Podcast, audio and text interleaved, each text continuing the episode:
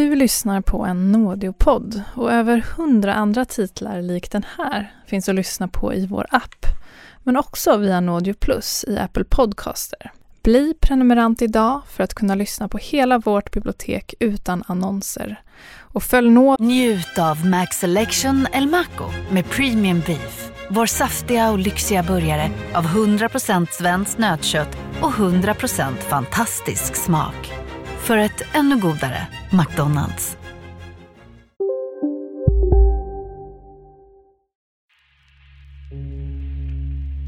Bengt och Gunilla har känt Pablo i fyra år och shamanismen är en stor del av deras liv. Ett liv utan det andliga känns långt borta. Men nu kommer något att hända som förändrar deras relation till Pablo. Allt börjar en kväll när Bengt sitter vid datorn. Internet är fortfarande ganska nytt för den här tiden och Bengt sitter ofta och söker på shamanism och new age. Nu hittar han ett dokument han känner igen. Och det är eh, samma eh, papper som Pablo har delat ut till gruppen och sagt att han själv har skrivit. Och här står ett annat namn under. Och då blir ju Bengt, eh, han vet inte vad han ska tro.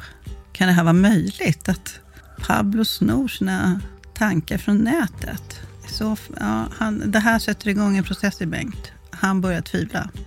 Var kommer egentligen Pablos kunskap ifrån? Tänk om han inte har de övernaturliga krafter som han påstår sig ha. Ett tvivel börjar gro hos Bengt.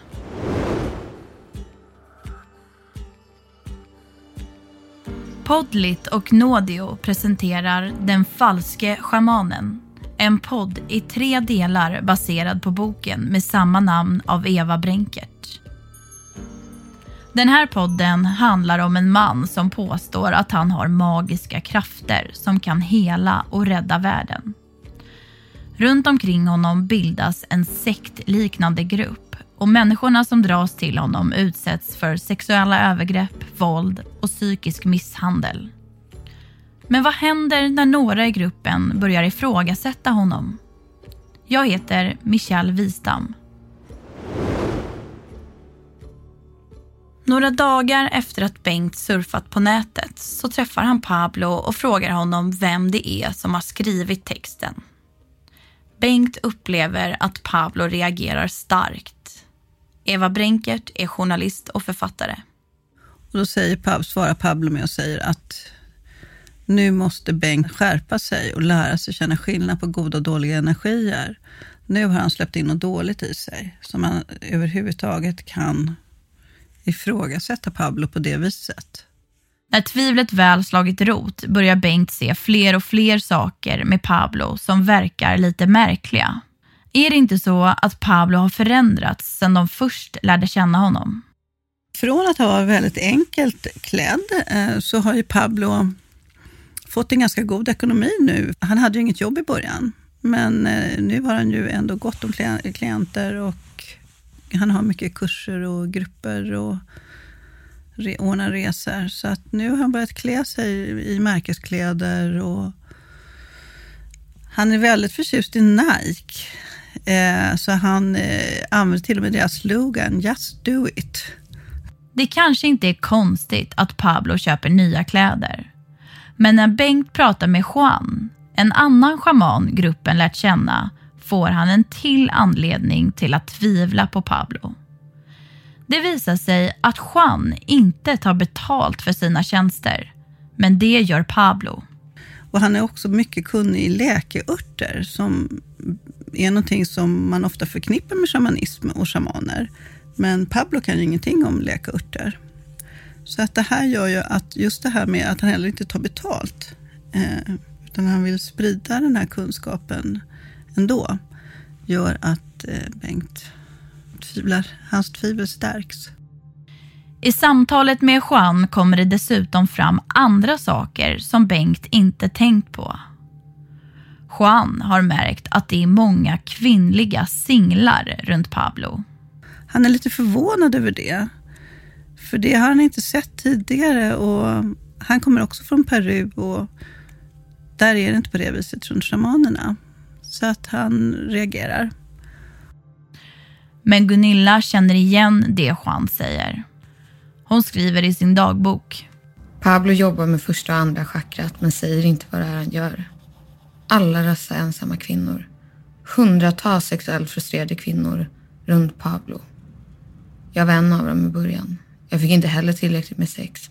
Pablo ger orgasmer på löpande band och sen vill han ha tillbaka. Han kallar det healing, men vad är det för utveckling att bli smekt till orgasm av någon man inte ens är attraherad av? De säger att de håller på med andlig utveckling, men vad sjutton är det egentligen? Jag kan inte säga något. Det här går inte att bolla med någon. Dessutom är det väl upp till var och en. Eller? Och Bengt kommer snart hitta ännu mer information på nätet som talar emot att Pablo är den schaman han säger sig vara. Jag ska bygga en hemsida åt Pablo som handlar om shamanism i norra Sverige. Men eh, han hittar fler dokument som Pablo har sagt att han har skrivit, men som har en annan eh, avsändare. Och det här gör ju att hans tvivel stärks. Och nu börjar både Bengt och Gunilla tycka att det är för mycket som inte stämmer med Pablo. När han startar en ny magigrupp så väljer Gunilla att inte vara med i den. Det har Pablo svårt att acceptera. Snart börjar han ringa henne. Han börjar ringa nästan dagligen och vill att hon ska vara med och vill, han vill komma till henne och på behandlingar, för de har börjat byta behandlingar med varandra. Och hon vill inte träffa honom. Hon undviker hans samtal. Men eh, ja, han eh, blir, verkar bli orolig av att hon inte är med. Till slut tappar Pablo tålamodet med Gunilla och ger henne en rejäl utskällning. Så skäller han på henne och säger att hon är den mest självupptagna människan och han någonsin träffat och att hon gör så att människor, hon gör så att andra människor mår dåligt och hon, han ja, skäller på henne och lyckas då träffa känsliga punkter. Så att hon avslutar samtalet, men hon blir ändå väldigt ledsen. Undrar, är jag sån här? Så som han säger. Gunilla känner sig nedstämd efter samtalet, men nu vågar hon inte längre säga ifrån till Pablo. Hon vet inte vad han är kapabel till. Han har nämligen berättat historier som skrämmer henne. Om när han bodde i Spanien och levde på att råna. Han berättade någon historia om att han slog ner någon kvinna som var över 80 och eh, pärlorna flög och rullade i gatan. Och han skrattar när han berättar det här. När, hon, när han berättar det så känner hon ett starkt obehag och undrar varför berättar han det här för mig? Varför ska jag veta det här? Han berättar flera historier om, om överfall han har gjort. Och att han har burit vapen. Då blir hon, hon blir rädd. Vintern 2005 har det gått sex år sedan Gunilla och Bengt lärde känna Pablo. Deras dotter Sara har fyllt 14 år. Hon är skötsam, men en kväll kommer hon varken hem eller hör av sig.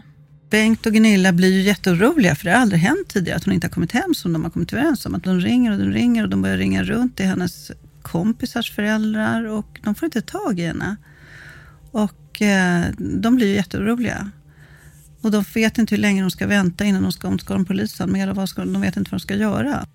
Till slut svarar Sara. Det visar sig att hon är med Bella. Ni kommer ihåg flickan som vi inledde första avsnittet av den här poddserien med och som sökte hjälp hos Pablo efter en ridolycka. Och det är något som inte stämmer, för Sara vill inte komma hem.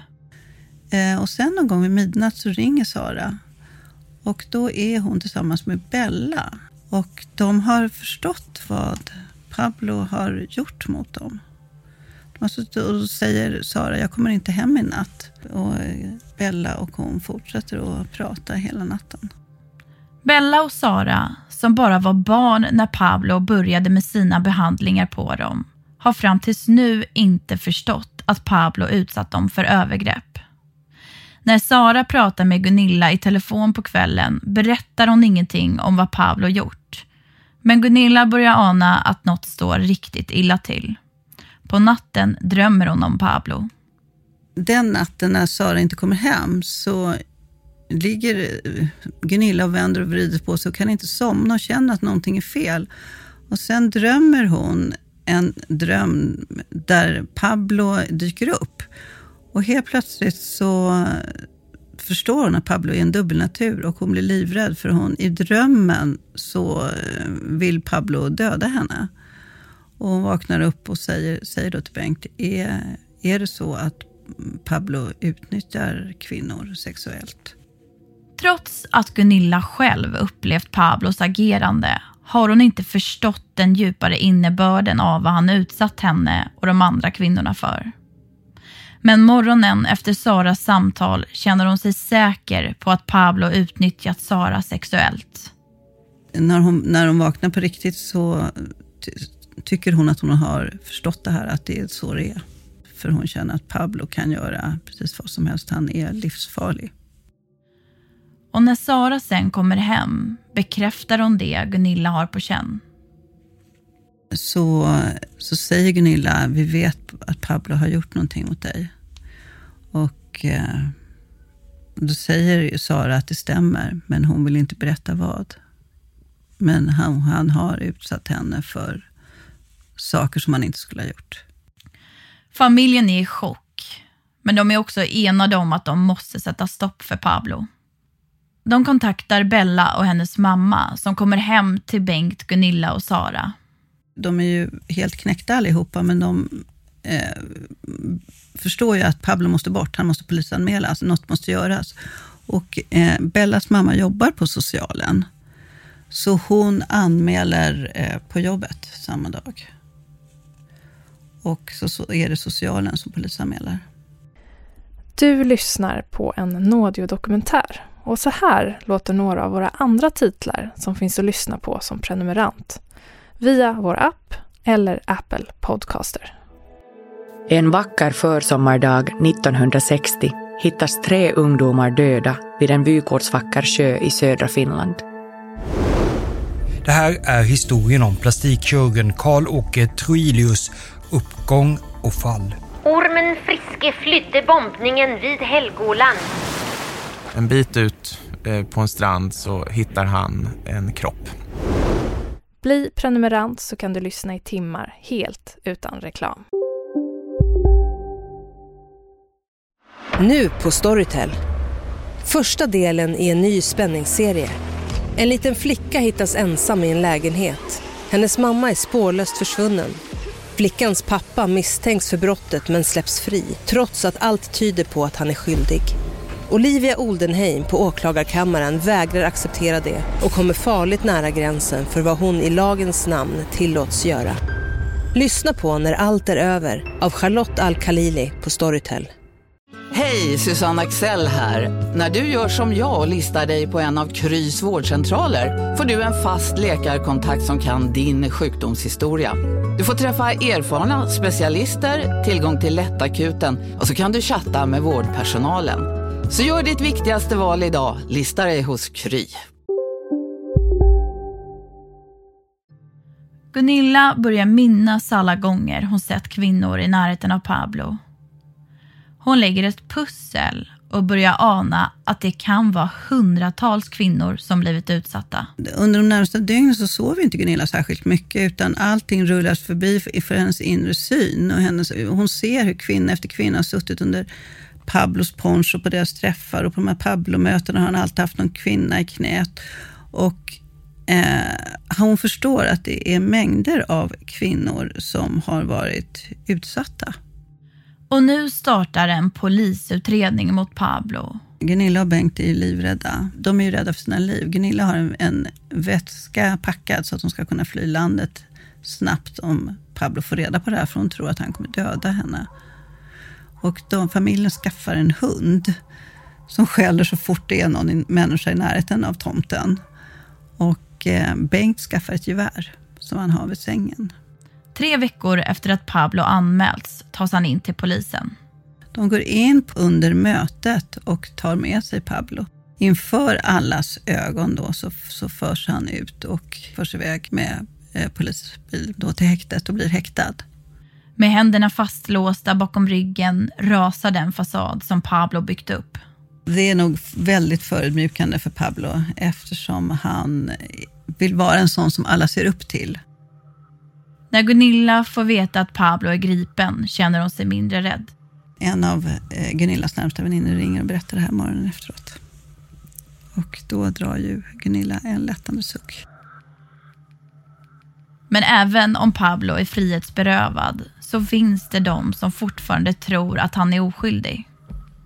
Och nu delas gruppen in i två läger. De som tror på Pablo och de som inte tror på honom. Och de som tror på Pablos oskuld gör Gunilla till syndabock. Många riktar sig blickarna mot Gunilla. De tror att det är hon som har anmält honom och de tror att det beror på att hon är olyckligt kär i Pablo och därför vill hämnas och försöker få folk att eh, vittna då mot honom. Eva Bränkert menar att gruppen pekar ut Gunilla för att de inte vill känna sig lurade. Jag tror personligen då att det är väldigt svårt att erkänna att man är så grundlurad som de här människorna faktiskt är. Det var ju det viktigaste i deras liv, så var det här. Allting kretsade ju kring den andliga utvecklingen. Och så är det plötsligt inte alls vad det ser ut att vara. Och Pablo har varit bra på att få med sig människor med hans fängslande historier. Pablo är en storyteller. Pablo är väldigt duktig på att berätta historier. Han fångar sin publik. Och han är, egentligen kanske det inte har så mycket innehåll, men det är ingen som uppfattar det för att han är så skicklig berättare. Med om hur det ska bli, hur fantastiskt den nya världen ska bli och hur, hur, vilken tur att de här finns som ska rädda världen och så vidare. Dessutom använder han sig av en effektiv metod för att få människor att lyssna på honom. Han tar fram någon och eh, gör dem till åtlöje och också här använder så mycket våld. Så skrämmer han väl de andra till lydnad. Ingen vill bli utsatt för det där. Ja, han stärker sin makt, det, det gör han ju genom att han eh, gör så här hela tiden. Att han, det, gör, det här är hans taktik, det här är hans metod. Att han lyfter en person i taget och sedan är det nästan alltid någon som hamnar i skamvrån eller utanför eller som han skäller på eller som han gör något hemskt med. Eva Bränkert jämför gruppens relation till Pablo med en kärleksrelation där den ena parten misshandlar den andra. Det är lite likt ett misshandelsförhållande. Alltså när makten är väldigt ojämnt fördelad i en relation så kan det bli så att den som blir illa utsatt vill inget annat än att bli bekräftad igen det där att det stärker banden till förövaren på något märkligt vis. Så att de här eh, relationerna som är med, med maktojämlikhet, det har stora likheter. Och precis som i misshandelsrelationer börjar inte alltid förhållandet illa. När gruppen är nybildad är stämningen bra och sen går det långsamt till att bli sämre och sämre. Men Pablo tar ju successivt mer och mer makt, eller får ju successivt mer och mer makt över deltagarna och bestämmer allt mer över deras liv och deras vardag och deras val. Till slut har Pablo så mycket makt över medlemmarna att gruppen kan liknas vid en sekt. Och eh, där någonstans när, när han har nästan all kontroll över deltagarna så får man nog kalla det en sekt. Exakt hur lång tid det tog är svårt att säga. Men det gled över till ett sektliknande sätt att fungera, den här gruppen. Bengt och Gunilla vill få resten av gruppen att inse att Pablo inte är den schaman han utger sig för att vara. De åker till ett Pablo-möte för att de tror fortfarande att de kan få de andra i gruppen att förstå vem Pablo är. Eh, Gunilla och Bengt hör ju till de som ändå varit närmast Pablo. När Gunilla och Bengt kommer in i lokalen tystnar gruppen och vänder sig om. Men trots det svala välkomnandet så börjar Bengt och Gunilla försöka berätta vad som hittills kommit fram. De säger väl båda två att vem, vad Pablo har gjort för någonting och att han är en att han är fejk, att han är ingen schaman utan han är en sexualförbrytare och berättar vad han har gjort då och hur många, att många kvinnor har varit utsatta. Men gruppen vill inte lyssna på vad de har att säga. Bengt och Gunilla inser att det inte spelar någon roll vad de säger. Gruppen vill tro på Pablo. Och då väljer den som håller i mötet att be dem gå därifrån och att säga att vi känner Pablo minst lika väl. Vi vet att det här inte är sant. Och ber dem gå att de ska sluta störa mötet. Under tiden Pablo är häktad fattas ett nytt beslut varje månad om han ska släppas fri eller om han ska omhäktas. Varje gång han ska omhäktas så är ju alla som har vittnat mot honom väldigt nervösa då. Men Pablo släpps inte. Han sitter häktad ända fram till rättegången startar våren 2005. Tolv kvinnor trädde fram och vittnar. Fyra av dem var under 15 år när övergreppen begicks. Alla berättar ju sina berättelser. De är ju inte identiska och alla de här tolv känner inte varandra. Men han har gått tillväga på väldigt snarlikt sätt då hos dem allihopa. Men det finns också vittnen som har en helt annan version av vad som hänt. Och de vittnar om Pablos oskuld och menar att det är Gunilla som skapat en komplott. Några säger väl just det här med att Gunilla var olyckligt kär i Pablo, det är väl en version. Och att hon eh, då har upp på något sätt övertalat de andra att vittna och vill hämnas på Pablo för att han inte är kär i henne. Dessutom vittnar Pablos sambo till hans fördel och hon menar att det kvinnorna berättar inte kan ha hänt.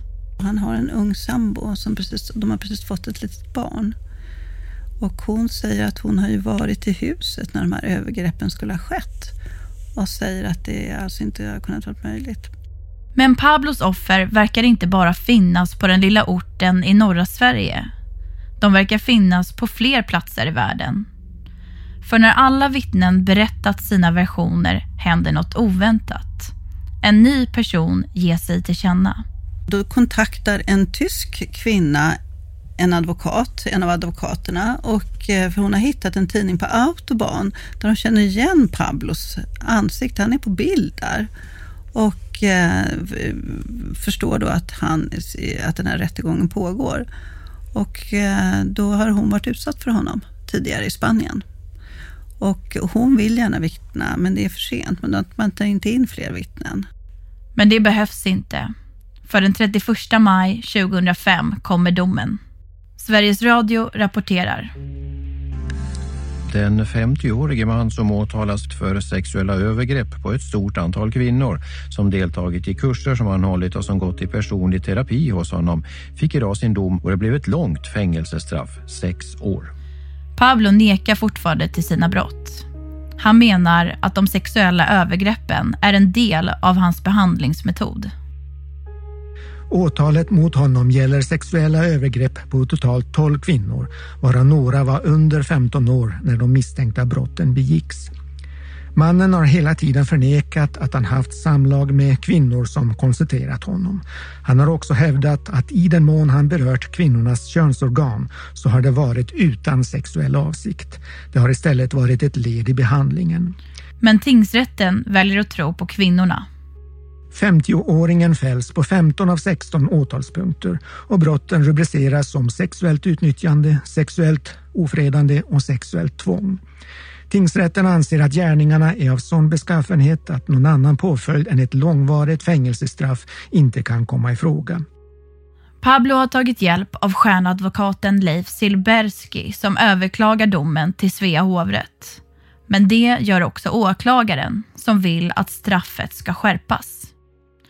Men hovrätten går på tingsrättens linje och det tidigare straffet kvarstår. 50-åringen sägs vidare i flera fall ha svikit kvinnornas förtroende. Han har gett sken av att vilja hjälpa dem men istället utnyttjat situationen för eget syfte. Dessutom menar hovrätten att det handlar om systematisk brottslighet under flera års tid och allt detta är, anser hovrätten, mycket allvarligt. Pablo har idag avtjänat sitt straff. Pablo är ju eh, ute ur fängelset idag och eh, vad jag har hört eh, så är några av eh, hans gamla anhängare ordnar fortfarande eh, träffar med honom uppe i norra Sverige. Och han ordnar resor till Sydamerika och Spanien. Men för Gunilla, Bengt och deras dotter Sara har det tagit lång tid att bearbeta allt som hände. Den här familjen eh, hamnade ju i kris sedan det här uppdagades. Och eh, de har ju gått mängder med terapi. Dottern har gått jättemånga år i terapi. För Sara är det särskilt tufft. Hon var bara tio år när allt började. Hennes liv var ju också sektens liv. Alltså hon letade tecken i allting och hon, eh, alla handlingar hade konsekvenser. Alltså man skulle tänka i konsekvenser så man inte fick ett dåligt karma och ett dåligt liv efter detta. Och Det gjorde att hon väldigt tidigt som barn började tänka i konsekvenser. När Sara och hennes föräldrar lämnar gruppen börjar hon göra revolt. Men efter att eh, allting uppdagades så gjorde hon precis tvärtom. Så att hon struntade i alla konsekvenser och var ute och partaja och gjorde en massa stök då för att ja, hon ville inte behöva tänka på några konsekvenser alls. Och hon, eh, ja, det var väl en reaktion på allting. Men eh, det har gått bra för henne. Eh, hon har bott utomlands i många år men bor nu i Sverige igen. Hon är välutbildad och har ett bra jobb och en partner och verkar nöjd. Och Gunilla och Bengt ägnar sig inte längre åt andlighet. Eh, Gunilla har ju inte sökt andligt alls efter det här, men hon är nöjd med sitt liv. Hon, äktenskapet har klarat av eh, de här. Eh, de är fortfarande gifta, Gunilla och Bengt. Och de har, hon har sin familj, hon har sina vänner. Hon har sitt jobb. Hon jobbar idag med någonting annat. Eh, hon är nöjd. Trots att familjen förknippar livet kring Pablo med många smärtsamma minnen är det inte bara mörkt när Gunilla och Bengt tänker tillbaka på tiden. När, när Gunilla och Bengt ser tillbaka på den här tiden så är det ju mest med, eh, med eh, sorg över att det var som det var och att deras dotter blev utsatt för det hon blev utsatt för. För det är det som är det värsta eh, för deras del. Men eh, det var inte bara dåligt. Det är väl det de försöker säga också. Det var inte bara dåligt, utan det som gjorde att de fortsatte, det var ju väldigt mycket den här gemenskapen och att det skapades en väldigt öppen och eh, speciell stämning som gjorde att de alla hade en väldigt självdistans. De skrattade mycket och hade, de hade kul helt enkelt och var väldigt tajta.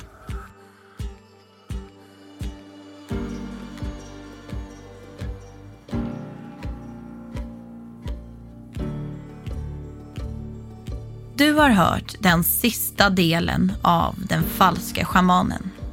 En podd i tre delar baserad på boken med samma namn av Eva Brinkert. Jag som gjort den här podden heter Michelle Wistam Exekutiv producent är Simon Måser och Tove Friman Leffler. Tekniker är Kristoffer Kronander. Podden görs exklusivt för Nådio av Podlit.